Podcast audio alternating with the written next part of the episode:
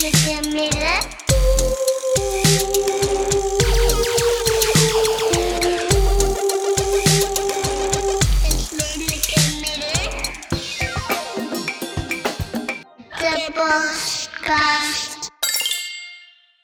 Welkom lieve luisteraars bij Het Redelijke Midden, de podcast waarin we braaf hashtag thuisblijven uit solidariteit met de zorg, maar ons ook zorgen maken dat thuisblijven en niets doen niet solidair genoeg is en juist een neoliberale shock doctrine in de hand werkt.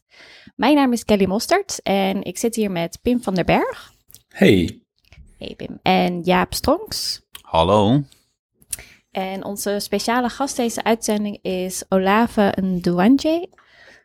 Hallo. Hey. Eh, zwart, veganist, non-binaire, transfem, queer feminist, Umurundikazi, schrijfster, geldarm en verbeter romanticus. Ehm, nou, van harte welkom Olave, blij dat je er bent. Bedankt, bedankt. Eh, nee, we hebben je uitgenodigd om het te hebben over je stuk in, eh, in One World, waarin je oproept Mm. tot een massastaking. Ja, en ja, in een draadje op Twitter schreef je ehm, dat je niet mee kunt doen aan het eh, stilzitten, aan de quarantine en chill. Zoals je het omschreef, want je bent eh, furieus, agitated, sad and fed up. Ehm, dat was twee weken terug. hoe, Ja. is het, eh, hoe is het nu met je en, en ja, hoe, hoe beleef je de crisis? Hmm, nou ja, kijk, er zijn ehm, twee manieren dat ik het op kan beantwoorden, die vraag. De eerste is natuurlijk op een hele persoonlijke eh, niveau en de ander is op het politieke niveau. Ik heb namelijk politieke gevoelens en persoonlijke gevoelens. Wat betreft eh, mijn politieke gevoelens zijn die wel echt ongewijzigd. Ik ervaar nog steeds heel veel woede en, eh, en angst, maar ook verdriet ook wel. Ehm, met name, Ja. Het is echt wel heel erg chockerend hoeveel mensen eh, aan het overlijden zijn, eh, blijvend eh, beperkt zullen worden hierna qua gezondheid en lichaam, maar ook mensen die echt heel hard getroffen worden door de economische en sociale misstanden. En ik voel heel veel verdriet daaromheen. En ehm, ja, op persoonlijk vlak moet ik eerlijk zeggen, ik ben een, eh, een, eh, wat, ze, wat ze noemen een non-passing trans woman. Dus ik, eh, als ik op straat rondloop, is het aan mij te zien dat ik dus zeker niet een hele duidelijke gender heb. Dat betekent dus dat ik al heel lang in mijn leven eigenlijk een beetje leef zoals mensen nu door de quarantaine moeten leven. Which is met heel veel achterdocht en voorzichtigheid naar buiten. heel veel nadenken, wat heb ik aan? Eh, wat vinden mensen daarvan? En voor mij was het dan vooral van, eh, eh, gaat geweld plaatsvinden als ik in openbaar vervoer zit? Dus ik doe ook bijna geen openbaar vervoer. Ehm, of, Ja. en nu is het voor mensen vooral zo van, zal er op mij, zal ik geïnfecteerd worden? Dus ik, ik heb, mijn leven is in dat opzicht niet echt heel erg anders dan ervoor. En misschien daardoor heb ik veel meer ruimte voor mijn politieke gevoelens. Oké, en lukt het je ook om een beetje. Ja, zeg maar, ik vond het vooral in het begin heel moeilijk, omdat ik ook heel veel eh, politieke gevoelens heb, zoals jij. En ook maar ook een Hm. soort van urgentie. Van eh, je ziet nu echt voor je ogen wat er gebeurt. eh, Ja. hè? Of nou ja, je ziet het eigenlijk niet echt, maar je weet dat het gebeurt. Ja. Ehm, ja, dus het is een soort van urgentie en een soort van constante staat van uitroeptekens of zo waar je je in bevindt. Eh, Ja, weet je, want ik ben, ik ben, ik ben natuurlijk, ik ben, ik ben schrijfster onder andere. En, en dat is wat ik doe. Dat is voor mij mijn manier van activisme voeren. Dus eh, het heeft even geduurd, maar op een gegeven moment had ik zoiets van, ja, ik denk dat ik wel begrijp waarom ik zo upset ben. En toen heb ik een, een draadje geschreven, dat die je net ook eh, quote. Die draadje is op Twitter, waar voornamelijk veel van mijn volgers vooral Nederlandse en eh, Belgisch zijn. Nou, daar is misschien 100 of 200 keer geretweet of zo. Echt heel erg, valt hartstikke mee. Hmm. Ehm, op Instagram, waar mijn eh, volgers en Facebook, waar veel van mijn volgers vooral uit Amerika zitten. eh, en, en, om, en andere landen, dus op Berlijn en Frankrijk en zo, met name in de, in de transgemeenschap. Maar ja, op Instagram en Facebook Hmm. is het gewoon compleet, compleet viraal gegaan. Op Facebook is het meer dan 5000 keer gedeeld. Op eh, Instagram meer dan 2000 keer. En ik wist niet eens dat Instagram dat Wow. deed. Dat het, dat het zo storm kon lopen op Instagram, weet je. Het is echt een, best een apolitieke space, Ah. dacht ik altijd. Eh. Maar dat is waar het spannend. In Nederland echter ehm, merk ik dat er toch wel een soort van, ja, ehm, dat is niet echt, zeg maar, mensen warm van worden. Het idee van let's, let's get organized, laten we iets doen. Ehm, eh, ik weet niet wat jullie ervaring is, hè? want jullie hebben natuurlijk ook eh, een aantal voorstellen en een soort van dingen opgeworpen. hè. Ik weet niet hoe dat met jullie, eh, wat jullie daarvan vinden. Hoe mensen. Nou, laten we eens even. Ik, ik ben wel even benieuwd naar het verschil in, in hoe het ontvangen is. Ik merk zelf altijd, maar dat ligt misschien ook een beetje hoe je je eigen spaces organiseert, zeg maar. Dat, dat ehm, eh, politieke commentaren op Facebook, waar ook een, eh, ehm, nou ja, in mijn geval ook gewoon, ehm, eh, gewoon zeg maar persoonlijke vrienden en familie rondhangen, dat daar zeg maar niemand op, op reageert. Eh, terwijl op Twitter meer een politieke space is waar dat soort geluiden in ieder geval een ontvankelijker publiek treffen. Maar is dat bij jou dus, hoe, zit, hoe, hoe, kun je ook aangeven hoe de verschillen zijn qua inhoud, hoe, hoe, hoe die berichten eh, vallen en hoe erop wordt gereageerd? Ja, ik, ik denk op Facebook. Ik, natuurlijk, op Facebook is een, eh, is een space waar heel veel van de, in ieder geval de zwarte activisten in Nederland, waarvan ik merk dat die allemaal eigenlijk weg van Twitter zijn gegaan richting Instagram en Facebook. De, de, de, het, de level en de capaciteit tot trollen die je ziet op Twitter is gewoon echt, like, in Nederland echt immens. Dus misschien daardoor zijn mensen ook veel meer op Facebook dat gaan delen. Maar het wat ik echt opvallend vind was hoeveel Amerikanen, ook heel, Amerika, heel veel Amerikanen die mij schreven zo van, wat zullen wij dan doen? Dat ik denk, ik weet echt niet wat jullie situatie is hoor mensen. Ik, ik, dit is niet over jullie geschreven hè. Met name ook omdat de dingen die ik zeg maar benoem in die, in die thread van daar moeten we wat aan doen, die zijn er in Amerika, die vinden plaats. Het is, in Nederland doen we daar niks. De dingen die ik in, die, in, die, in die, het draadje als voorstellen doe, die zijn gewoon wel bezig in Amerika. Ik vrees dat die bewegingen misschien niet zo, ja, niet zo bekend zijn in Amerika of zo, maar ik had het, dat, dat inspireerde mij. In Nederland merkte ik gewoon, misschien omdat ik ook heel veel mensen heb geblokkeerd uh, in, uh, in, uh, in, in, uh, op Twitter, was het echt eigenlijk gewoon, ja, er, er werd geretweet, ja, kom op, maar dat werd, it wasn't engaging. The people didn't engage with it. Um, op Facebook en Instagram wel, echt, echt discussies in mijn comments, eh, echte retweets en, en eh, re- like shares met uitgebreide teksten en, eh, en eh, ik dacht, wow, dit is wel indrukwekkend. Ja. Ja, in Amerika heb je dus inderdaad eh, die, die People's Bailout. Mhm. En grote, eh, ja, toch wel stakingen nu ook bij Amazon. Mhm. Ehm, in Nederland zien we dat geluid of die tendens niet. En ja, daarom wilden we deze podcast eigenlijk ook een beetje wijden aan ehm, het artikel wat je uiteindelijk hebt geschreven. Ja. Ehm, en ja, ook kijken van eh, hoe komt het nou dat Nederland gewoon niet die kritieken niet zo, niet zo goed ehm, eh, landen. Ehm, ja, en gewoon wat ideeën die we, die we verder kunnen ehm, oppikken. Ik kan me voorstellen dat, dat, mensen, dat het makkelijker is om te reageren en inhoudelijk te discussiëren over iets dat in een ander land speelt. Net als dat we in, in Nederland makkelijker kunnen praten over bijvoorbeeld racisme in, in Amerika eh, of, in, of, of zelfs in Engeland, als het maar ver genoeg is. Ehm, maar dat, de, eh, dat kritiek op, op, op politiek, of zeker, zeker het politieke bestel of de politieke cultuur, ehm, dat dat wat minder op prijs wordt gesteld. En dat hebben wij natuurlijk ook in de, nou ja, in de, in, zeker in de aanpak van de coronacrisis ook gezien.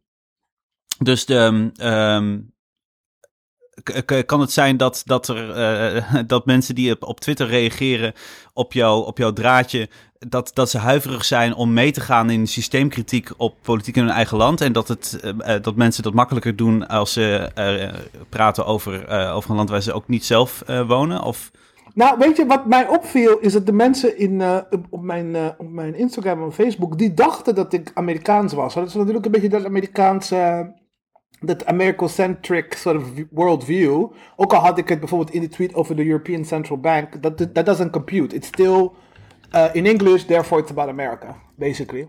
Ehm, dus ik denk ook wel dat ik, ehm, wat ik ook denk, dat aan de, aan de Nederlandse situatie misschien ook wel Ehm, wat ik, ah, dit is echt pure speculatie. I could be completely wrong. Hè? I could be completely wrong. maar eh, mijn observatie van soort van Nederlandse politieke cultuur is de. Er is iets aan soort van het uitvogelen en een soort van kritisch zijn over specifieke beleidsmaatregelen. Dat heel erg soort van appealing is volgens mij voor de, voor de, voor de Nederlandse soort politieke cultuur. Which is, weet je, het, het soort van wie weet het beter, eh, welke beleid werkt hoe, de cijfers erbij halen. De, weet je, dat is volgens mij echt wel iets dat eh, echt eigen is aan de Nederlandse cultuur.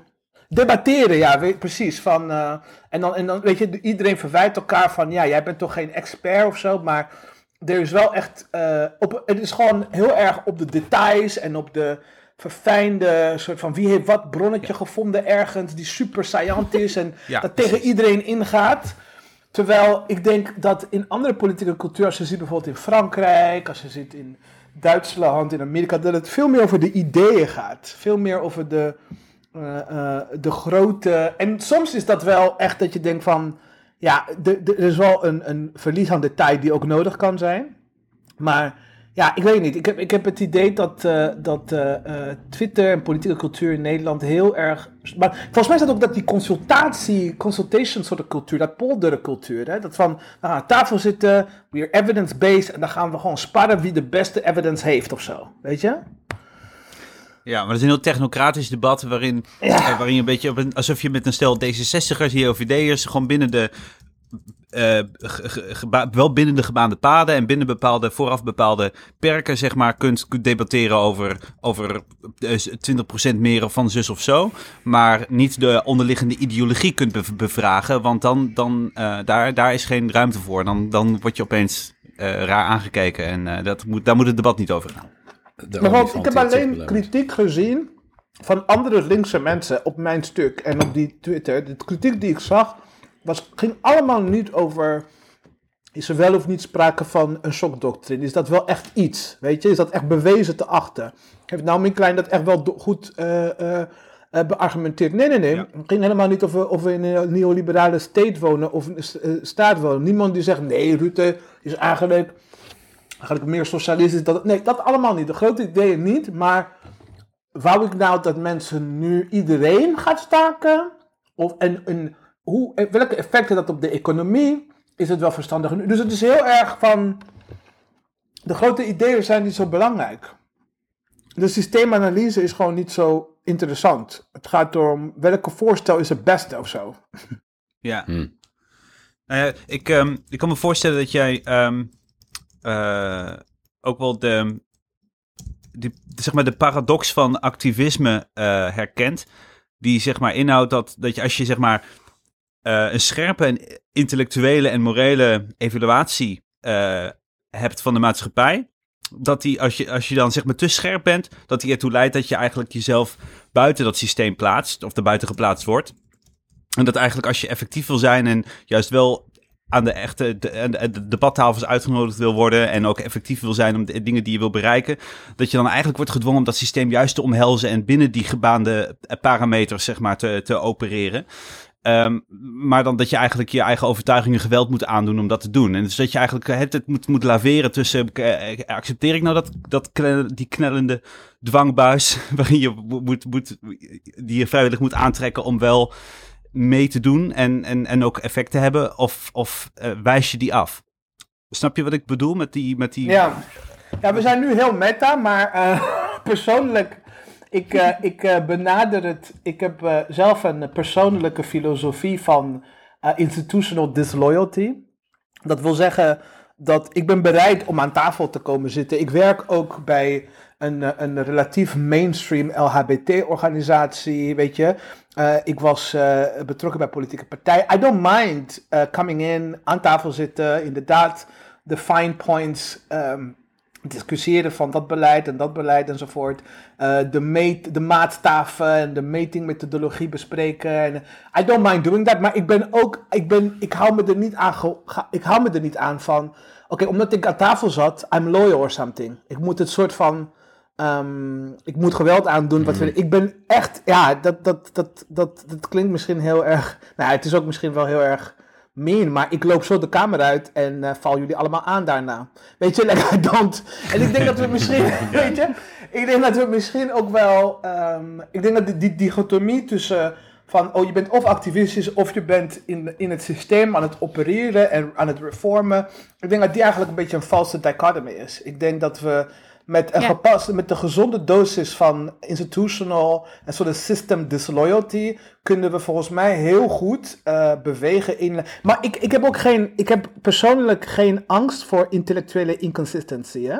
Ik ben er niet zo, eh, eh, ik ben er niet zo op gebrand om altijd wat ik zeg of doe, dat dat super eh, meetbaar en, en te, ja, zeg maar, een andere strakke lijn zit met wat ik vorige week zei enzovoort. Dat is iets wat echt heel erg past in dat soort van position, dat academische positionaliteit, soort van cultuur en en soort van etiket, weet je. Ik geloof erin dat ik iemand ben die constant mijn meningen, mijn ideeën, mijn inzichten, mijn perspectief sch- verschuift de hele tijd. Het is, dus ik kan best vandaag aan tafel zitten met jullie eh, en eh, een of andere plannetje uitdokteren en ruzie maken. En ja, oké, teken maar. En dan volgende week bedenken, nou had ik toch niet moeten doen. Want ik heb, ik heb heel lang geleden op een gegeven moment ingezien dat als zwarte transpersoon dat je sowieso altijd eh, als achterdochtig en van, van, trouw, wantrouwd wordt, right? Dus ook al word je uitgenodigd aan tafel, ehm, die tokenizing soort van systeem, van je komt hier om eigenlijk daarna gewoon te tekenen. Ja, weet je, ehm, dat, I, I will, I'm willing to rebel against that by being entirely unpredictable. Ja. Ja. Je, je krijgt die, die privileges toch al niet dat je, dat je bij de in-crowd hoort of zo. Dus je denkt van, dan kan ik er net zo goed Nee. met, met gestrekt been ingaan, zeg maar. Precies, maar ik ben ook de eerste die eruit geflikkerd wordt als het, eh, als het allemaal... eh, eh, weet je, you know, so why would I be so loyal? Ik zie heel veel eh, eh, mensen... Ik heb er ook heel lang in geloofd dat if you, are, if you play around with the game... If you, als je de, de etikettenregels, de, de codes observeert... dan ben je veilig en dan kun je altijd bijdragen. Dan word je, weet je, maar het is helemaal niet zo. Nee. So why would I?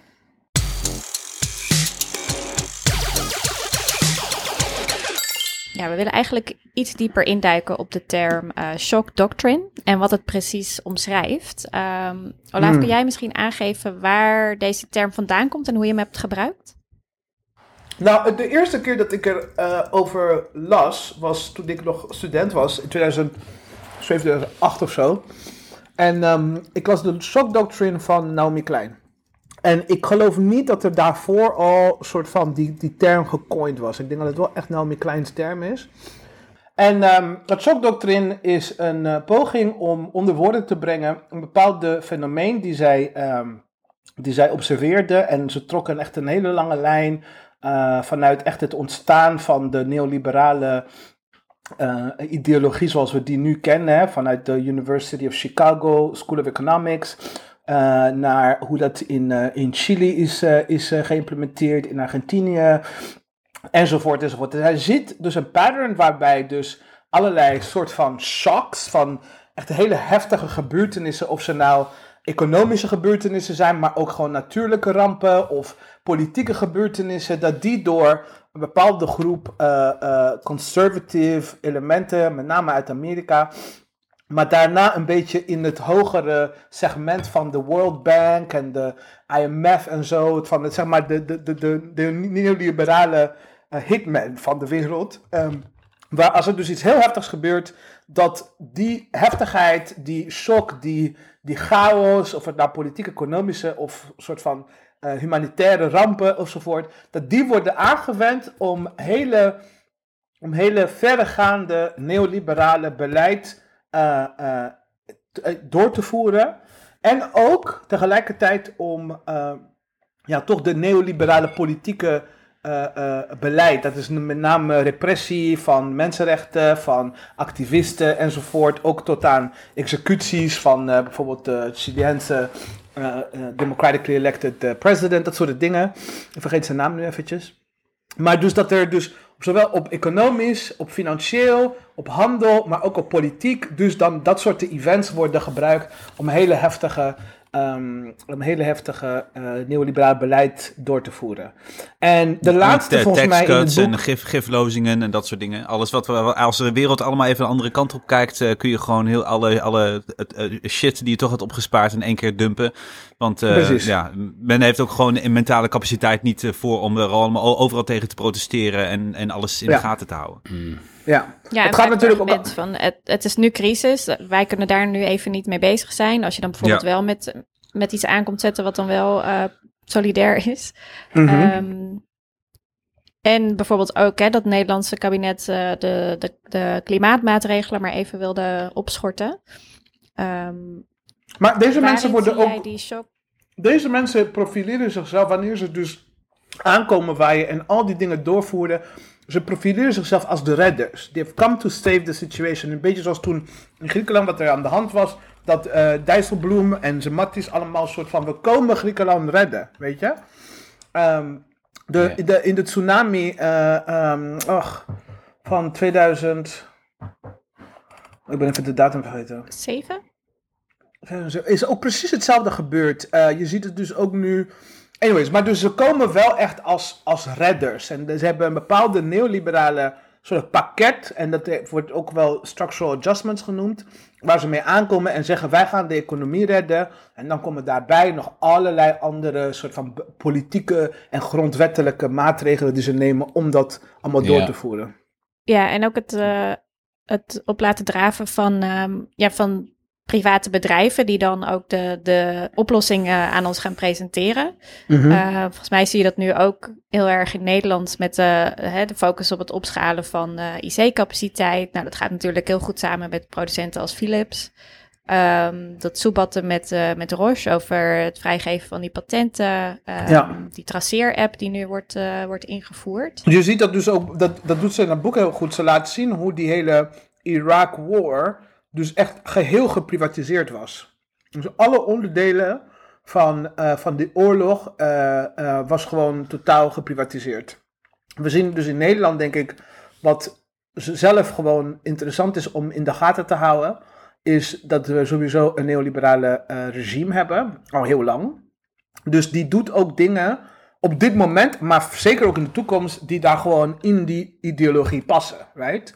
Dus je ziet bijvoorbeeld het feit dat eh, eh, eh, eh, ehm, het ECB, maar ook dus de nationale centrale banken van Europa, dat die allemaal nu ehm, eh, door middel van ehm, zogenaamde quantitative easing, hè, kwant- kwantitatieve verruiming bezig zijn Ja. met de hele financial market, zeg maar alle schuld van de financial market basically op te kopen. En tegelijkertijd toegang tot leningen eh, heel erg, ja, volgens mij zitten ze in negatieve rente ondertussen. Je wordt bijna betaald om geld te lenen Ja. bij hen.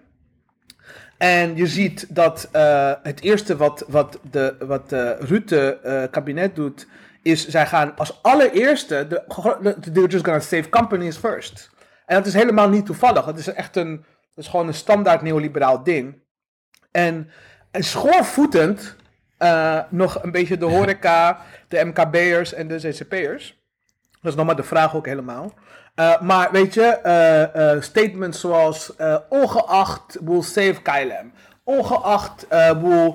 En, en, en, en, en die multinationals die al Nationale geen... trots, KLM. ja, ja, ja, ja, Ja. nationale trots. En dan blijkt dat die op, op zich niet zo heel veel werk levert zoals de beloven. En dan helemaal het, werk- het soort werk dat ze creëren, dat het helemaal niet zo stabiel is. Want ze hebben er ook meteen 10.000 mensen kunnen weg, eh, wegdoen, weet je. Yep. Ehm, Ja. En dus dat, dat, dat is echt heel erg eh, neoliberale shockdoctrine-strategieën.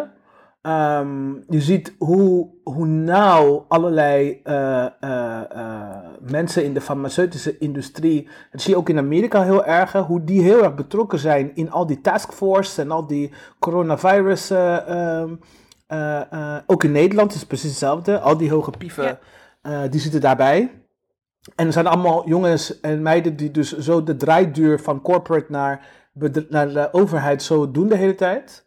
Ehm, ja, het is, het, is, het is gewoon, ja, ik, ik zie niks in nu dat anders is dan wat in alle andere neoliberale shockdoctrines heeft plaatsgevonden. Nee, ehm, nee die, die privatisering en het marktwerken wordt ja, dat zie je eigenlijk niet alleen in de politiek, maar ik, ik zie het ook heel erg terug in bijvoorbeeld de media, de, de NPO en de journalisten bij, eh, bij persconferenties. Die stellen nauwelijks echt kritische vragen, lijkt het wel. Dus alleen vragen die echt binnen de status quo passen. Van Mm. wanneer versoepelen we de maatregelen? Eh, gaat ons voetbal wel door? Eh, Mm. is, is de app die we krijgen, is die wel veilig genoeg? Ehm, maar niet echt... eh, En welke ja. krijgt de meeste stemmen? Ja, Oh god. Het is een, ja, ik bedoel, die- en je kan zo vaak stemmen als je wil. Dus het is ook het, het stemmen welke app uiteindelijk ons uit eh, eh, deze gezondheidscrisis eh, eh, ge- geacht wordt te, te, te helpen te halen. wordt nog gereduceerd tot een tot, eh, eh, politiek entertainment theater. Waarin je kan stemmen wat jouw favoriete app is. Die je moet beoordelen als burger op basis van van slikke marketingpresentaties zonder dat daadwerkelijk eh, de broncodes zijn vrijgegeven waar, eh, waar eh, experts op kunnen schieten. Terwijl je aan die apps Maar dit niet- is- niks dit hebt als er typisch- niet getest wordt. Ja, dit is gewoon brood en spelen, hè. Het is gewoon entertainment, hè. Gewoon laten we even het leuk Ja. maken voor de mensen. Dus het waarschijnlijk Ja, een de- marketingpersoon die daarachter zit, die dat bedacht bij de ministerie Ja, van, die- ja, dit is wel moeilijk te illusie behappen van voor inspraak mensen. is inderdaad puur theater. Maar ondertussen zijn het wel eh, de Accentures en Capgeminis van deze wereld die dan uiteindelijk zo'n app mogen uitrollen. Terwijl niemand ooit een goede iOS of Android app van Capgemini heeft gezien. Maar ja, ze hebben wel die, Hmm. dat zijn wel de enigen die zo slim zijn geweest om eh, de, de appvormgeving alvast in de Rijksoverheidsuitstelvorm te geven. Dus eh, oh, nou, dat ziet er goed uit allemaal. Terwijl het allemaal gewoon bullshit is. Maar kijk, mensen moeten begrijpen dat dit dus wel in het verlengde staat van Nederlandse lib- neoliberale beleid rondom data en privacy. Hè? Dus Nederland is echt de, de tapland van de wereld. Is like, we tappen echt het meeste, like, misschien met uitzondering van de NSA, maar Nederland is daar eh, consequent altijd een van de meest soort van eh, gang-ho wat betreft het, eh, het negeren van onze privacy en datarechten. En dat dit dan zo uitgerold wordt, is volgens mij gewoon, voor wat ik, zoals ik het zie, is volgens mij gewoon een, een, een, ja, in rechte lijn. En ik denk wat we hier ook af weggeven, wat betreft onze rechten daaromheen, dat gaan we ook nooit meer terugkrijgen. You know? Als zij dit nu invoeren op deze manier, lijkt met alle wetenschappen te zeggen dit kan echt niet, met alle you know, privacy law lawyers die zeggen dit kan niet, constitutionele, iedereen, zelfs gewoon doodgewone bestuursambtenaren zeggen dit hele, deze hele procedure klopt gewoon niet, het gaat te snel enzovoort. Dat, die precedent, die gaan we nooit meer terugzetten. Mag ik, eh, mag ik dan een, een, een naïeve vraag stellen, Ola? Denk je dat dat ook de beweegreden is om dit probleem überhaupt te willen oplossen met een app? Nee, ik denk persoonlijk, kijk, ik ben geen, I, I'm not a pan, epidemiologist. Hoe heten die mensen? E- Epidemiologen of virologen? Ja, epidemiologen, ja. epidemioloog. I'm not. Ik ben ook geen public health official. Ik ben ook geen eh, eh, data eh, dinges. Maar van hoe ik het van verder zie, zeg maar, met mijn onwetendheid. Hoe ik het van verder zie, het lijkt me, apps is gewoon een beetje zoals die crypto currency en die eh, eh, blockchain. Vooral de blockchain eh, eh, idee. Het klinkt heel sexy en heel hip. En het, het spreekt tot de verbeelding. En het lijkt alsof je iets aan het doen bent. Right? Het is heel erg slim. En het, is heel erg, het is een app enzovoort. En, en dan gaan we. En dan krijg je dus. Hè, dan krijg je eh, eh, eh, go ahead, groen, geel, rood. Dit zijn allemaal algoritmes van profiling. Die gewoon heel problematisch zijn. En waarvan. eh, eh, eh, ehm, ja, dus ik denk dat het echt flashy klinkt goed, klinkt. En zij denken van, nou, we hebben heel veel kritiek gekregen. We willen in ieder geval, zo straks bij de na-evaluatie allemaal, willen we in ieder geval kunnen zeggen, we hebben alles gedaan wat we konden doen. En dit is iets wat iedereen in de handen zou hebben en denken, er gebeurt iets. That's what I think. I think het zou waarschijnlijk niet echt kwaad kunnen, maar ik denk dat het vooral eigenlijk een soort van... Want er zijn ook andere landen die gewoon contactonderzoek hebben uitgerold zonder apps. Ja, Ierland die heeft eh 2500 mensen gerecruiteerd om dit werk gewoon uit te gaan voeren. Gewoon betaald. Het is gewoon een publieke aanbesteding. Ehm, dus het is gewoon echt een politieke keuze hoor, om, om, het op zo'n, app te gaan gooien. En ik vind het ook bizar, want de meest kwetsbare groepen die zijn, zijn het groot groep is oud, eh, ouderen zeg maar. En die gebruiken gewoon helemaal geen app. Ehm, en wie sluit je eigenlijk buiten met, met zo'n app als je, ja, als je daar een soort gevoel van Maar veiligheid ik moet wil ook- ik wil wel even erbij zeggen, kijk, we moeten natuurlijk niet vergeten, ik doe een beetje lobby, hè, zeg maar, in mijn werk hier in, eh, in, eh, in, in, eh, in eh, Brussel, doe ik een beetje lobbyen wat betreft LHBT-rechten. Wij weten allemaal, dit is gewoon een not, this is not a hidden secret, dit is een soort van staatsgeheim. Politici zijn niet zo heel erg slim. Oké? Zij, eh, ja, nee, weet je, en, want je kan ook niet van of, over alles wat weten. Hè? Like, Ja. at some point moet je ook gewoon op afgaan van wat je experts en wat je, de lobbyisten je vertellen van dit is wat relevant is. Als, ik, als, als je het moet overlaten aan een willekeurige Europese parlementariër om een, een, een, eh, motie te schrijven die relevant is voor trans mensen, ja, trust me, that's not gonna look good. Dus eh, die mensen die, die relyen on us. En wat er gebeurt, zeker wanneer de banden tussen het corporate, de corporate world en de bestuurswereld zo nauw zijn. De eerste mensen die hun bellen en zeggen: Ik heb een oplossing voor je, zijn gewoon die lobby, die datalobby mensen. En die bellen, die zeggen: Ik heb een oplossing en het gaat er heel leuk uitzien. Weet je, het is super high-tech. En die, die- ja, die, en dat zijn de mensen die met rapporten die al klaar zijn. Hè? Die, die rapporten like, worden binnen een paar dagen de, in de e-mail ontvangen ze die, omdat die al klaar staan. Dat is een beetje hoe de neoliberale shockdoctrine werkt. These guys are ready Ja, de, de, ja, de- die happen. shock doctrine is ook niet alleen maar inderdaad evil. Het is ook gewoon ehm, ook wel een, een bewust een feature dat, dat, dat ehm, eh, overheden bestaan uit, uit, uit, ministers en ambtenaren die gewoon heel druk hebben. En ook eh, steeds minder tijd hebben. En ook worden eh, niet per se een ehm, eh, tijd hebben om of zich tel- dezelfde tijd gunnen om zich overal in te verdiepen. En dan ook ontvankelijk zijn voor degene die dan een ingang weten te, te, te creëren. En dat zijn de- vandaar zijn het de grote kunstinstellingen zoals de Rijksmusea, die, eh, die vooral geld krijgen. En niet de lokale eh, musea of de, of de individuele kunstenaars. En zijn het ook, is het KLM, zijn het alle grote bedrijven die, die, die, ja, die vooraan staan. En het is voor een deel is dat een, eh, ja, kun je zeggen dat is een, conspiracy en dat is een, de- een doelbewust eh, plan. Maar het is ook deels ook gewoon, ehm, ja, eh, een omstandigheid eh, die wordt gecreëerd doordat, eh doordat ja, er wordt geluisterd naar degene die gewoon eh, zich, een, eh, het zich toegang weten te verschaffen.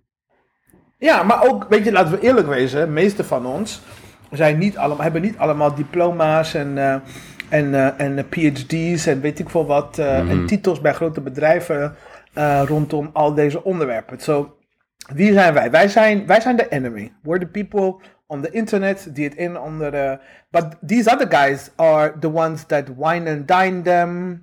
Die hun, eh, met hun, eh, weet je, shoulder on shoulder bij het benefietavonden zitten. Dat zijn de mensen die zeggen, ja, weet je, het internet is tegenwoordig echt gewoon echt een ramp, weet je. But als, hè, maar op mij kun je aan als er wat is. En ja, er is gewoon een stukje psychologie. Deze mensen zijn ook maar gewoon. En zoals mensen in de media, laten we eerlijk wezen. Ik, ik, denk, ik denk niet dat veel van de mensen die nu, zeg maar, afgestudeerd zijn, allerlei journalistieke eh, eh, eh, hogescholen en weet ik wel wat. Dat die nou allemaal heel veel weten over Europese Centrale Bank Monetair Beleid. Dat die nou heel veel weten over, eh, eh, weet ik veel, over eh, eh, ehm, vaccinatie en procedures om vaccin, vaccins, te, vaccins te testen. En weet je, bla- het zijn, het zijn geen specialisten. Kijk, er was een tijd dat heel veel journalisten ook vanuit een bepaalde sector kwamen, bepaalde kennis. Weet je, advocaten die dan journalisten werden, die dan heel erg met economie en politiek enzovoort over schreven. Maar nu is het gewoon iemand die gewoon googelt op Wikipedia, wat is eigenlijk data?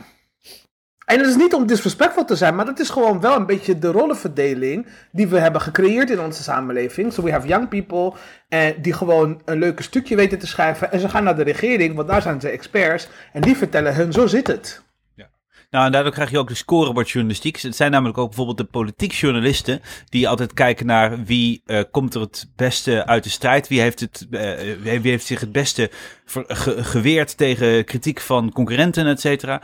Ehm, die, het zijn die politieke journalisten, die, ehm, de politiek verslaggevers, die ook op bijvoorbeeld op de coronacrisis worden gezet. En het zijn geen ehm, medisch onderlegde of, eh, of, of, of eventueel weten, wetenschapsjournalisten of zo, die, die bij die persconferenties aanwezig zijn. Dus dan, dan ja, dat, dat hoort ook bij het, eh, nou ja, het politieke entertainmenttheater, dat zelfs zo'n public health crisis eigenlijk nog eh verwoordt. Wat ik wel zou willen en wat ik gewoon niet genoeg van zie, And maybe I'm not following the right people. Dit kan het ook zijn, hè, dat mijn, dat mijn, dat mijn Twitter-bubbel gewoon te klein is.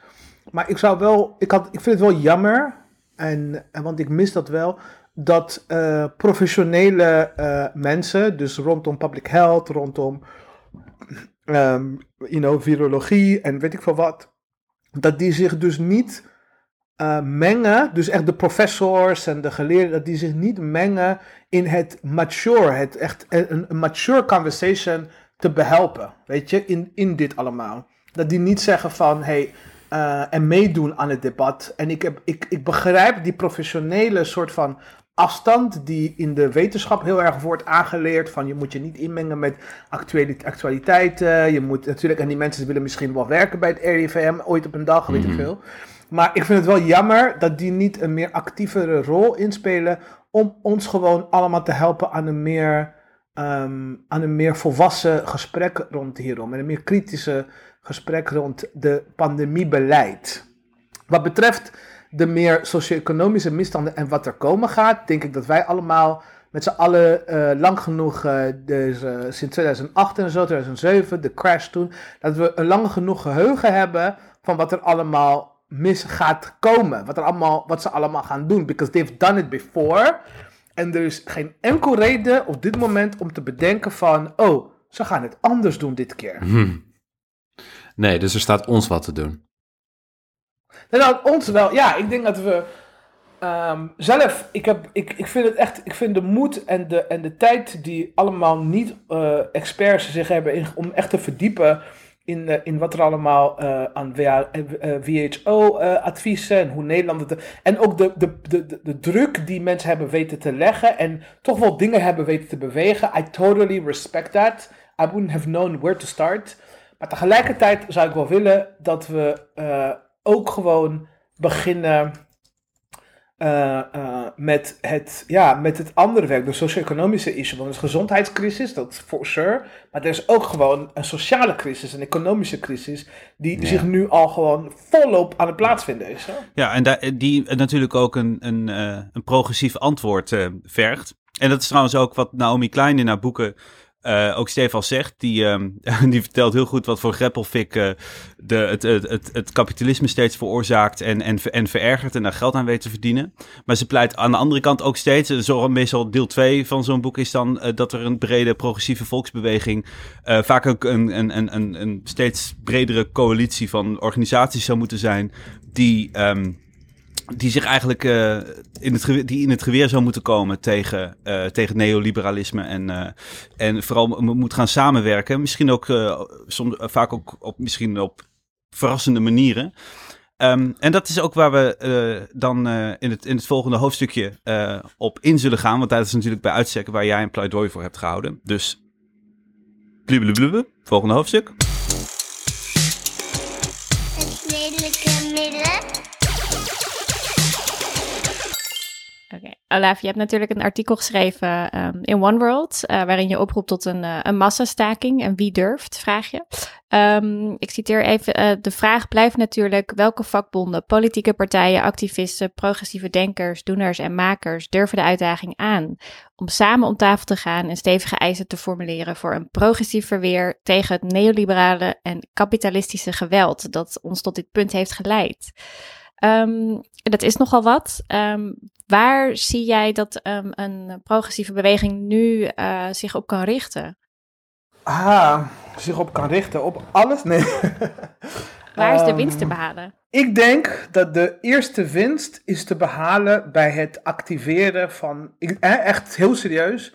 Denk ik dat de eerste winst, het beste wat we op kunnen hopen, is dat we al die mainstream politieke partijen die, waar we op allemaal hebben gestemd op links, al die eh, NGO's en al die eh, eh, ook activisten op persoonlijke titel die ons vertegenwoordigen, die een bepaalde ideaal van, hè, van wij zijn links en wij zijn voor solidariteit, om die überhaupt zover te krijgen to step outside of their comfort zones en dit heel serieus te. Bijvoorbeeld als je kijkt naar GroenLinks, bijvoorbeeld Jesse Klaver, je gaat zo een beetje onder zijn, door zo'n Twitter-tijdlijn, is het alleen maar dingen over KLM. Oké? Als je kijkt naar Marijnissen, is het alleen maar dingen over de zorgmedewerkers. Right? Als je kijkt naar. Ik, ik, ik, ik durf niet eens te kijken naar wat de PvdA aan het doen is hoor. Daar, daar, daar durf ik niet. But, maar everybody is gewoon in hun dingetje. Ik vind bijvoorbeeld het initiatief van, van Milieudefensie echt top. Roep op tot de staking. Top. Maar alleen maar over dit ene onderwerp. Right? Ja. En ik zou willen, ik zou willen, ik zou hopen dat we met eh, de mensen die, eh waar dat they represent, of we nou voor hun hebben gestemd, of omdat ze dat in hun, in hun eh, organisatie, in hun statuten als missie hebben opgesteld, dat wij ze zo ver krijgen om tegen hen te zeggen van, dit, dit soort van in je eigen straatje, dit soort van je beste politieke positionering ding, daar moet je nu even mee kappen. Jullie moeten samen aan tafel gaan zitten. Ja. Want het gaat echt heel heftig worden. En we, we were not ready voor 2008. We were just not ready. Sterker nog, eh, eh, eh, you know, PvdA is nog steeds een beetje een soort van nog niet in staat om toe te geven. We hadden gewoon nooit met VVD en, eh, en al die de- met rechts eh, zo in zee moeten gaan. Dit keer, if we are not ready again, als we niet al zeg maar de platforms hebben om met elkaar in gesprek te zijn, weet je, dan sorry, maar weet je.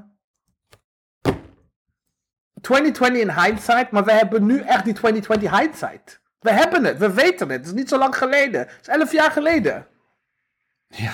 Zo nu moeten we volgens mij het verschil gaan uitmaken. Dus mijn eerste, mijn eerste goal, ook met dat stuk, was gewoon eigenlijk iedereen zover krijgen die een platform heeft, die een stem heeft, die een, een belang heeft, om te zeggen, ja, potverdikkie, hoe zit het nou eigenlijk? Waar, waar zijn al die linkse partijen? Wat is, de, wat is het plan? Weet je, waar zijn ze, waar zijn ze hier eh, eh, over aan het debatteren? Waar zijn ze, weet je, aan- eh, voordat je een massastaking oproept, moet je gewoon wel, die mensen moeten wel gewoon eerst aan tafel. En Ja. het spijt me, maar if we don't, als, if we don't get organized om dat af te dwingen, dan gaan ze dat niet doen.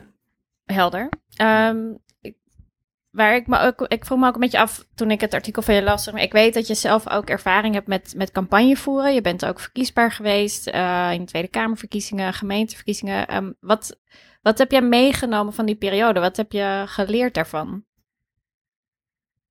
Ik heb geleerd dat, eh, en again, dit is misschien eh, ook omdat ik vooral bij partijen, bij- één was een heel klein partij, net begonnen. eh uh, Haast-Stadspartij is echt een anarchistische eh, lokale partij met allemaal, you know, anarchisten van like, minimaal vij- 50 jaar oud. Ehm, wat niet erg is, hè, dit kan van mijn particular history, maar het is wel eh, eh, dat ik dacht van het contact met de, de stemgerechtigden, met, eh, met de media, eh, maar ook soort van de critici, soort van de denkers. Ik, in het algemeen vond ik, moet ik, ja, dit gaat echt, I, I sound like such a terrible person in deze podcast. maar in het algemeen vond ik dat we in Nederland gewoon een hele onvolwassen politieke eh, eh, cultuur hebben. Ehm, er gebeuren heel veel dingen om ons heen. We weten niet zo heel goed politiek te organiseren. Het is zelfs al heel moeilijk om mensen zo ver te krijgen om lid te worden van een partij. Weet je? Ja. Mensen die eh, eh, eh, al jarenlang en ook gewoon in detail kunnen vertellen hoe ze zich bedrogen zijn geweest door allerlei groepen en situaties en regeringsleiders.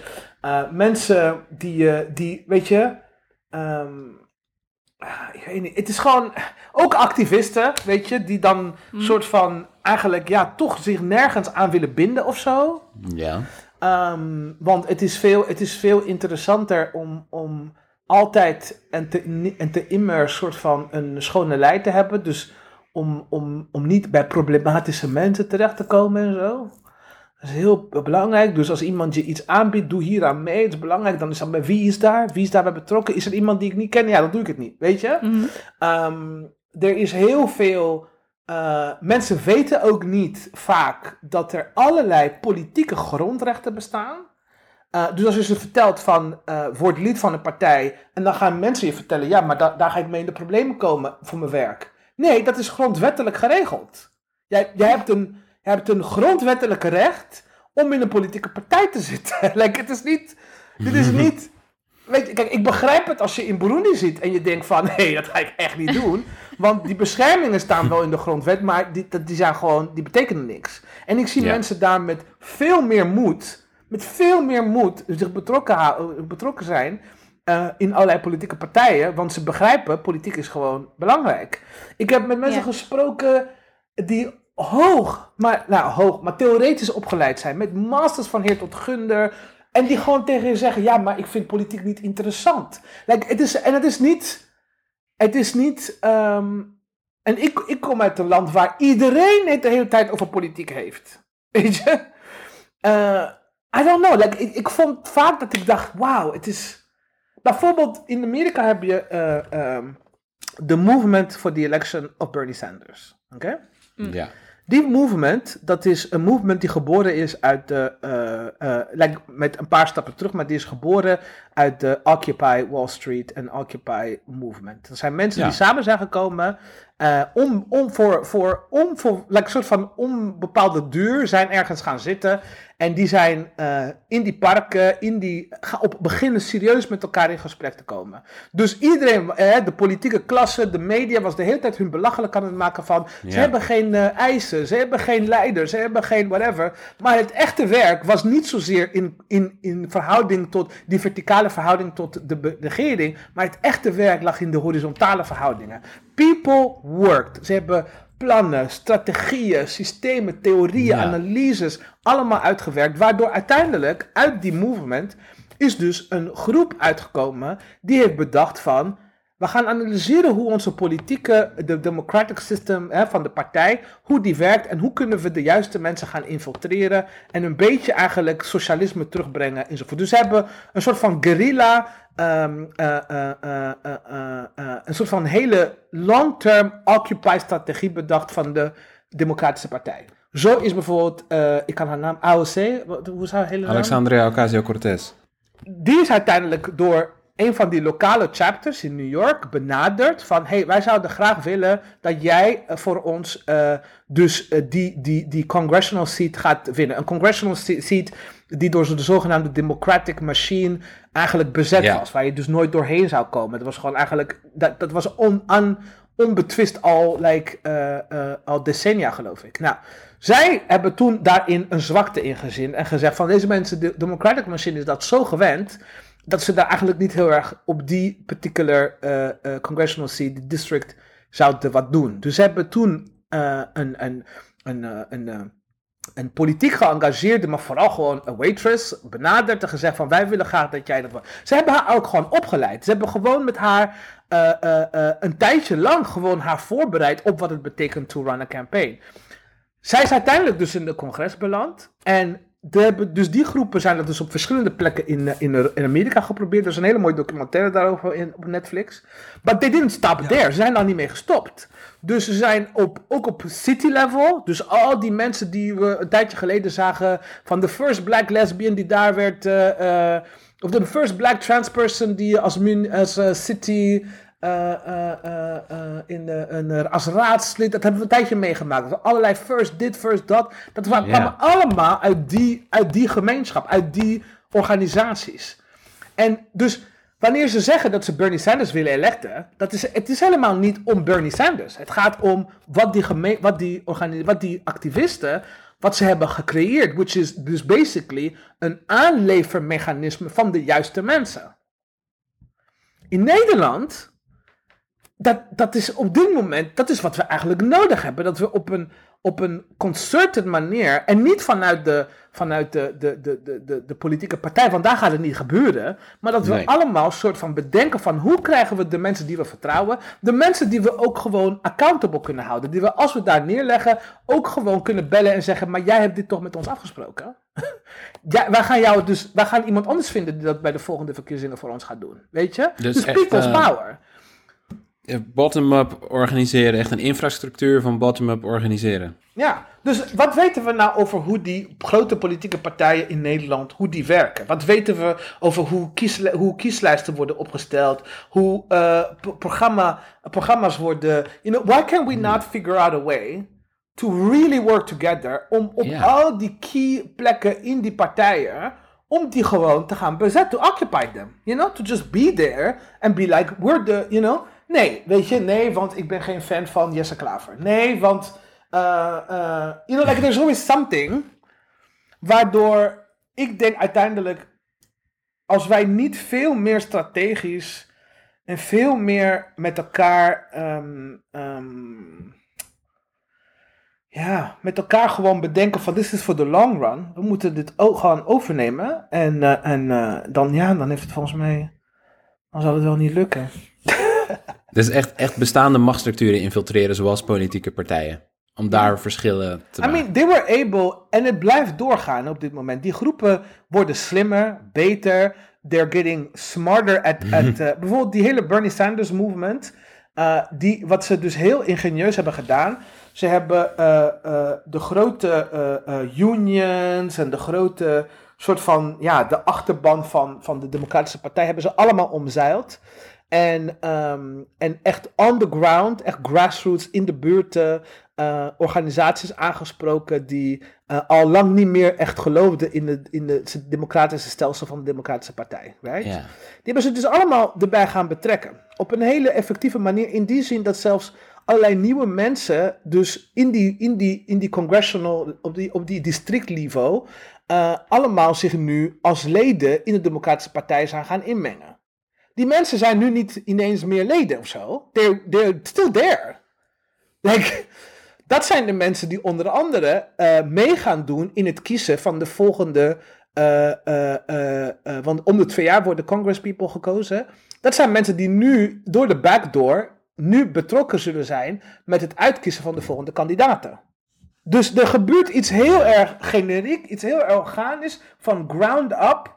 En het, is, het zal volgens mij echt, like, niet meteen, het is long term, maar het gaat de tijd keren in, de democra- in, de, in, in, in Amerika uiteindelijk. Het is een incredible powerful political force wat ze aan het, uh, aan het ontwikkelen zijn.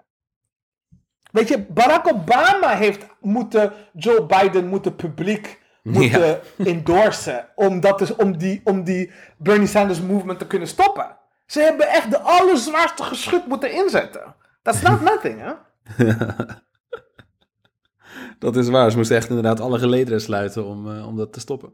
Alle gelederen, because it was... Maar, en dit is maar het begin, want al die mensen zitten daar nu in. Dus ja, ik denk... Uh, ik zie wel mogelijkheden hoor voor Nederland. Ik denk dat de Nederlandse... Uh, de Nederlandse... Omdat die politieke maturity, volwassenheid nogal veel in te halen is... denk ik dat als wij echt zouden investeren als activisten, als uh, uh, op links, hè, denkers enzovoort, als wij across party divides, als wij across soort van ja, thema's echt gewoon nadenken over infrastructuur en mm. daar gewoon te werk in gaat, weet je. Bijvoorbeeld ik, ja, sorry, maar ik vind het nog steeds heel spijtig. Uh, nou ja, ik ga dat misschien niet zeggen. nou. nou, als je dat niet... Nou ja, misschien moet ik het wel zeggen. Ik vind het bijvoorbeeld heel spijtig dat, uh, uh, uh, dat bij één gewoon een nieuwe partij gewoon ons cadeau werd gegeven. Hè? Mm-hmm. Met al die aspiraties van intersectionaliteit en whatnot. Ik vind het nog steeds eigenlijk gewoon een beetje beschamend hoe weinig we daarmee hebben gedaan uiteindelijk. We could have, we could have really, really done a lot more. Met z'n allen. Mm. Daarmee. Ik vind het nog steeds heel jammer. Dus je, je vindt het een gemiste kans dat, dat bij één niet een grotere movement heeft gecreëerd? Nou ja, maar weet je, het is een beetje, ja... Is het ook aan hun om die grote movement te creëren? Of was het ook gewoon aan ons om te zeggen van... Weet je, let's get in there. Let's get involved with everything. Let's... Uh, weet je, wie zit nu bijvoorbeeld... Weet jij wie nu betrokken is met... Uh, met de kieslijst of de programmaontwikkeling van Bijeen. Dat could be de, een programma voor een partij zoals Bijeen zou gewoon de grote, de, de grote uh, uh, uh, tegenhanger kunnen zijn van heel links. Ja. It could be the most leftist, most ambitious. En ook waar dus ook mensen, ook alle anderen, dat kan echt de hele debat echt naar links trekken. Dat kan, het heeft die Mhm. potentie. But who's, who's involved with that? Weet jullie dat? Ik probeer Ah, er wel achter te komen. Het is wel een goede, goede vraag. Ehm, maar was jij, zeg maar, het, programma van Bijeen, was hij dan volgens jou niet, niet, ehm, niet ambitieus genoeg? Nee, zeker niet. Zeker niet. Zeker, absoluut. Nee, echt absoluut niet. Het was niet ambitieus genoeg. Ook op Amsterdamse niveau was het niet ambitieus genoeg. Nee, daar had meer in gezeten. Daar had meer in kunnen zitten. Het had echt veel linkser kunnen zijn, maar ze hadden ook gewoon heel weinig tijd. En, en de belangstelling vanuit activistisch links, want dat is ook wat anders dan, pro- dan een soort van eh Ja. partijlinks of zo. Er zijn heel veel soorten linksen in Nederland, maar eh, activistisch links en progressief links, die heeft het gewoon afgewacht. Die heeft gezegd, breng maar iets leuks. En dan gaan we daar wel naar kijken. That's it. Nu ook gaan we precies hetzelfde doen. We gaan ook gewoon zeggen, ja, kom maar op met een interessante lijst. En dan gaan we zeggen, niet genoeg eh, mensen van kleur. Niet mensen disabled dit. dit. Dan gaan we dat allemaal doen. Maar what we, did we do? Ja, niet genoeg blijkbaar. Nou ja, er is nu een nieuwe Er komt straks een partijprogramma. En ik Volgend jaar zijn er nieuwe, eh, nieuwe verkiezingen over een jaar. En eh ja, het verkiezingsprogramma wordt nu geschreven. En er, is ook een, er zijn commissies ook binnen bijeen die nu dat verkiezingsprogramma uiteraard schrijven. Dus volgens mij, eh, dat geldt ook voor andere partijen, maar ook voor bijeen geldt denk ik dat als je... eh, voor bijeen in het bijzonder geldt dat, dat eh, denk ik, als je daar aanmeldt, je hebt goede, goede ideeën en je, en, en je hebt tijd, dat je wel kunt aanhaken om, eh, om de standpunten mede te helpen bepalen, volgens mij. Dus ik weet niet of ja, misschien nog maar er zijn luisteraars ook al heel veel... eh, ja, veel, tenminste wat ik een beetje hoor ook in Olaaf's antwoord, er zijn ook heel veel organisaties die, die kijken al zeg maar best wel rijkhalsend naar het programma van Bijeen. Ehm, maar misschien is het, een- is het beter als, als zij ook actief gaan mee gaan schrijven aan, aan het programma. Dus bepaalde stichtingen, eh, actiegroepen. Ehm, dat er gewoon wat een breder platform komt, denk ik. Dat hoorde Ja. ik een beetje in het antwoord van Olaaf. Ik weet niet of dat klopt. Ik denk, ik denk gewoon dat het een gemiste kans is dat we gewoon eh, eh, een soort van ideologisch de meest ambitieuze partij die we in tijden niet hebben gehad, dat zoveel van ons op links, zeg maar, en met name ook echt activistisch links, zoveel van ons eigenlijk een afwachtende houding hebben.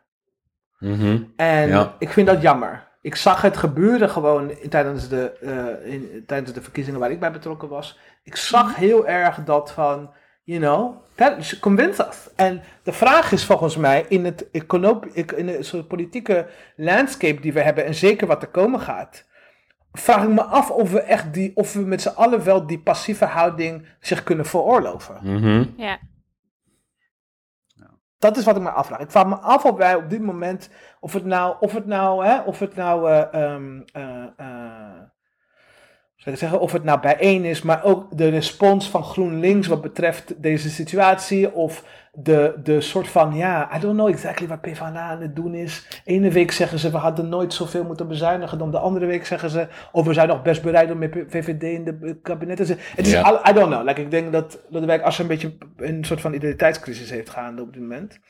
Maar eh, wat, op, again, wat natuurlijk niet het allerergste is wat er is ter wereld, want ik ben ook eh, gewoon, eh, ook, daar heb ik daar ook persoonlijk aan geleden. So, um, not to say there's anything wrong with that, maar, Hm. eh, maar weet je, wat what is het? We zijn eigenlijk allemaal best afwachtend. En ik zie gewoon dat in andere eh, Ja, eh, landen, of het nou in Frankrijk is of in Amerika, zie ik gewoon een veel proactievere, because de noodzaak, de urgentie, de, de impact, de- wat er komen gaat mensen. We zitten letterlijk in, een, in, een, in, in ongeveer een maand tijd is er eh, eh, eh, zoiets naar schatting, zo ongeveer een kwart van alle bedrijven in de wereld failliet gegaan.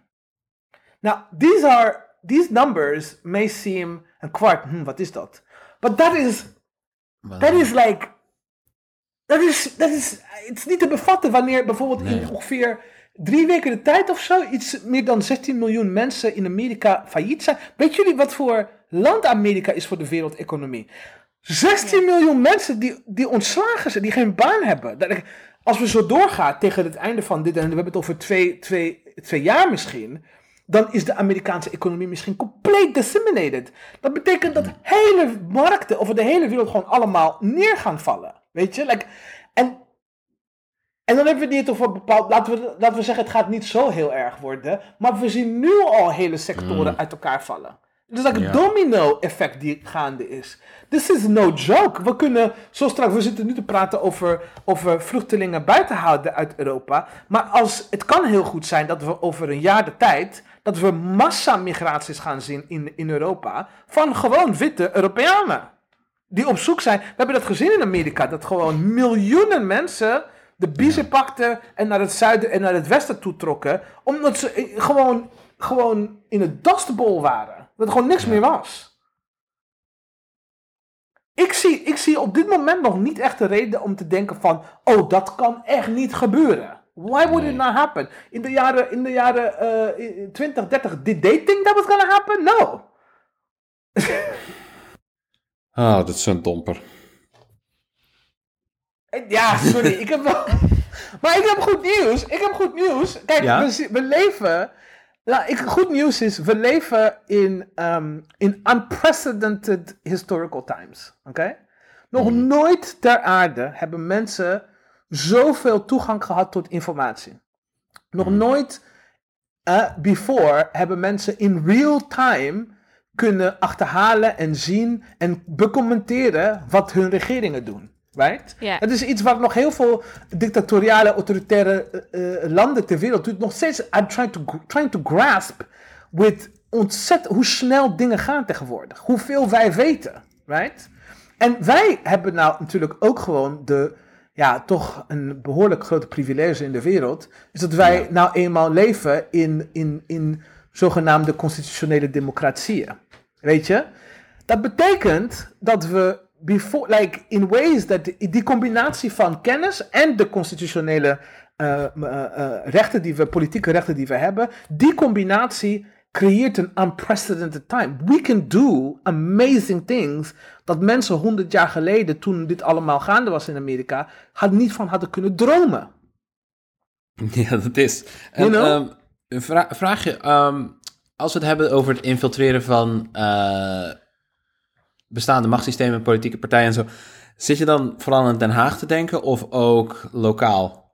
Ik zit te denken aan echt alle levels of government. Alle levels. Like echt tot aan de provinciale staten. You know, we could do, we could do so much more. Als je ziet hoe in Amerika, dat ze, die, die organisaties die dus ook onder andere eh, zich hebben ingezet voor de election of Bernie Sanders. Ze heten ook zichzelf The Movement for the Election of... Het is niet eens Bernie Sanders campaign. Het is gewoon letterlijk The Movement for the Election of Bernie Sanders.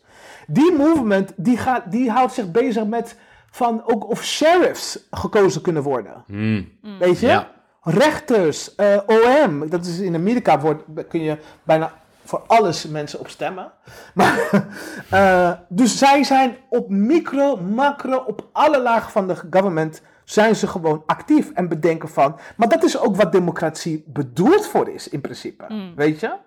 Ergens along down the road hebben wij bedacht van. Ja, weet je, ehm, dit is iets wat mensen die politicologie hebben gestudeerd of dit heel interessant vinden, die kunnen zich daarmee bezighouden. En iedereen bedoelt het goed en doet hun hartstikke best, dus het komt, wel, het komt wel goed. Ik ga me ergens anders op focussen, namelijk wat is mijn zelfrealisering? Hoe krijg ik, eh, hoe krijg ik, ja, hoe weet ik, hoe krijg ik mijn ego eh to shut up en, en, en Ja. tegelijkertijd ook wasbordje. Ik bedoel, als je allebei kan krijgen, dan is dat ideaal per- perfect afgetrainde lichaam en een volledig gerealiseerde brein. Dus het gewoon de juiste ergens mensen we've let vinden. the ball go. Ja, het hoeft dus niet zo te zijn. We moeten gewoon de juiste mensen vinden en die op de juiste plekken krijgen. We moeten samenkomen, dat is één. We moeten samenkomen en we moeten echt serieus in gesprek of like, oké, eh, eh, wat, wat willen wij? Wat hebben we nodig? In het aanzicht van deze, deze crisis, eh, socio-economische crisis die zich voltrekt. En die nog heel lange tijd door gaat gaan. En waar deze mensen aan de macht niet echt het allerbeste voor hun gaan uithalen. Niet voor ons, right? We moeten nadenken van hoe kunnen we eh, een nieuwe politieke soort van eh, eh, ehm, benadering, nou, een nieuwe politieke ethos van vermenigvuldiging, van meer ideeën, van meer behoeftes, van meer perspectieven en niet van wat is de essentiële ding dat we nodig hebben. Zoals bijvoorbeeld in de LHBT-gemeenschap, dat wij heel lang allemaal hebben zijn verteld van we moeten allemaal zich inzetten voor gay rights. Ondertussen worden trans mensen op recordniveaus vermoord, weet je? Mm. Uh, we hadden toen al moeten zeggen: nee, we kunnen gay rights vragen, maar we kunnen ook dit en dat en dit en dat tegelijkertijd. Dus die ethos moeten we leren. We moeten leren om met elkaar in gesprek te kunnen gaan en te zeggen: van wat heb jij nodig? Ben, ben ik het niet mee eens? Maakt niet uit, I'm gonna put it there. Zonder dat ik zeg: maar is dit nu wel echt wat wij met z'n allen nodig hebben, of whatever. Weet je, die, die houding hè, van we moeten de gemene delen, het redelijke midden of zo vinden, dat we die, dat loslaten in onze gesprekken en, en vagen op gewoon meer willen, op meer vragen, right? Yes. Uh, ik denk dat dat vereist heel veel tijd en heel veel effort. We moeten leren, volgens mij, in gesprek met elkaar, van hoe werkt onze regering eigenlijk? Wat zijn onze politieke rechten? Hoe zitten die partijen in elkaar, die ledenverenigingen? Wat zijn, hoe komen mensen op die lijsten van hun? Weet je, like, what's the, hoe werkt dat? I think a lot of us don't know, you know?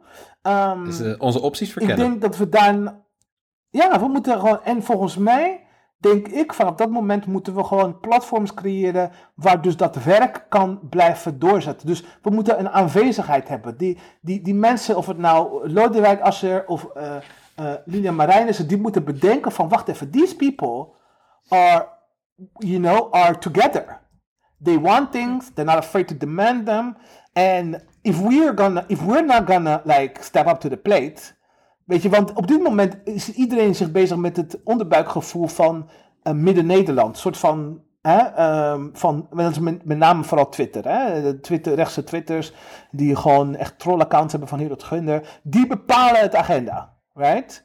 If we can create a concerted effort, maar vooral ook gewoon nieuwe mensen erbij betrekken en ook dat, dat die onderwezen worden, dat er, welke platform hebben wij voor ook gewoon dat mensen op een laagdrempelige manier kunnen weten van eh, en achterhalen van hoe dingen werken in onze politiek, bijvoorbeeld. Behalve op Ja. Wikipedia misschien. Weet je? Dat we dat, dat we dat. En ik denk dat er heel veel knappe koppen zijn die dat allemaal op een hele slimme manier kunnen. Zoals People's Bailout platform. Heb je dat gezien, die website?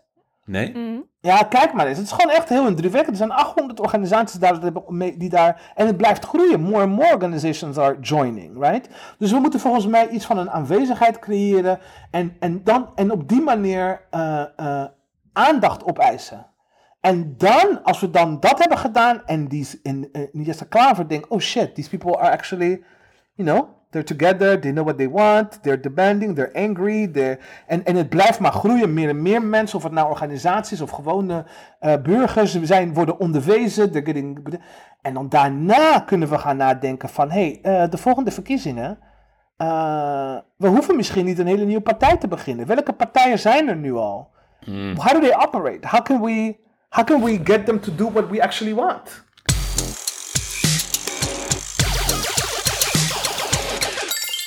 Ja, we eindigen natuurlijk met het redelijke midden van deze week. Ehm, wat we bij gebrek aan, eh, aan koffieautomaten en waterkoelers eh, zullen verkondigen in het eerste half uurtje. Roddel en achterklap tijdens onze videoconferencing calls eh, met collega's en studiegenoten. Ehm ja, heb jij een redelijke midden van deze week?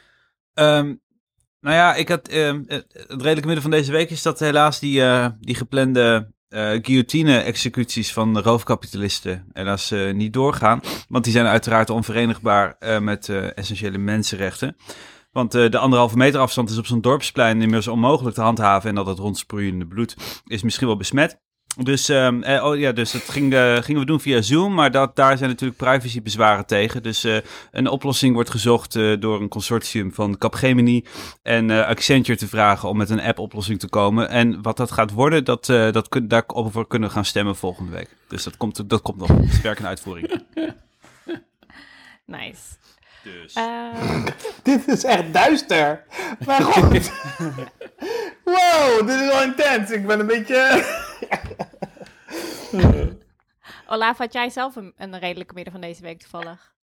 Eh, ik heb geen idee. Wat ik nu net heb gehoord, daar, daar heb ik nog een beetje van Moet te je nog van bijkomen? Ja. bijkomen. Ja. En Pim, heb jij eh, een redelijke midden? Ja, ik wil nog even zeggen dat eh, in tegenstelling tot wat de geruchten op Twitter beweren, heb ik gewoon een broek aan. Mijn re- redelijke midden van deze week is... ja, de coronatraceer-apps runnen op de blockchain van Greppelcoin, waarmee we onze podcast kunnen financieren. Grappelcoin. Heel goed. Going to the moon. Kun dan de Greppelcoin chain. Greppelcoin! Nice. Ik heb er misschien Eh, wel eentje. Maar dit is, yes? ik weet niet of dit een redelijke midden is, want er is echt iemand, heeft me dat verteld. Ik, ik, ik eh, werd benaderd door iemand die zei van ja, massastaking is misschien niet toegankelijk. Maar weet je wat we echt zouden moeten doen en echt een heel hard geluid maken voor verandering is, we zouden allemaal twee dagen onze internet uit moeten zetten. Mm. Oh, dat lijkt me heerlijk. Ik vond dat behoorlijk redelijke midden. Ja. Oké, Wie doet no joke. De wifi uitzetten en dat ik dan op mijn 4G moet internetten? Of hoe zie je dat voor je? Nee, gewoon, ja, ik weet ook niet precies hoe je je internet uitzet meer. I don't even know. I'm pretty sure dat met 5G-netwerk zijn we Wow. allemaal eh, op internet. Maar anyways. Nice. Ehm, mijn redelijke midden van deze week die komt van, eh, van Marlies. Ehm, het redelijke midden is dat eh, Booking.com best staatssteun mag ontvangen. Maar er kijken op dit moment ook 24 andere multinationals naar deze staatssteun. En de laatste is helaas net vergeten. Ja, Marlies is een beetje onze scriptschrijver geworden. Heel goed. Nou, hartelijk bedankt voor het luisteren. Eh Olave is eh, op Twitter te volgen op @olavetalks, Jaap op @jaapstrongs, Yes. Pim op BVD-Pim. Ik was Kelly, ehm, te volgen op Kelly Mostert. Eh, geef onze podcast de hoogste waardering die de app toestaat. Eh, dat ben je de linkse eenheid verplicht. Bedankt voor het luisteren en blijf thuis, maar vooral niet stil. Alright. Right. Lach om mijn eigen grap. Oké. Dat was nice.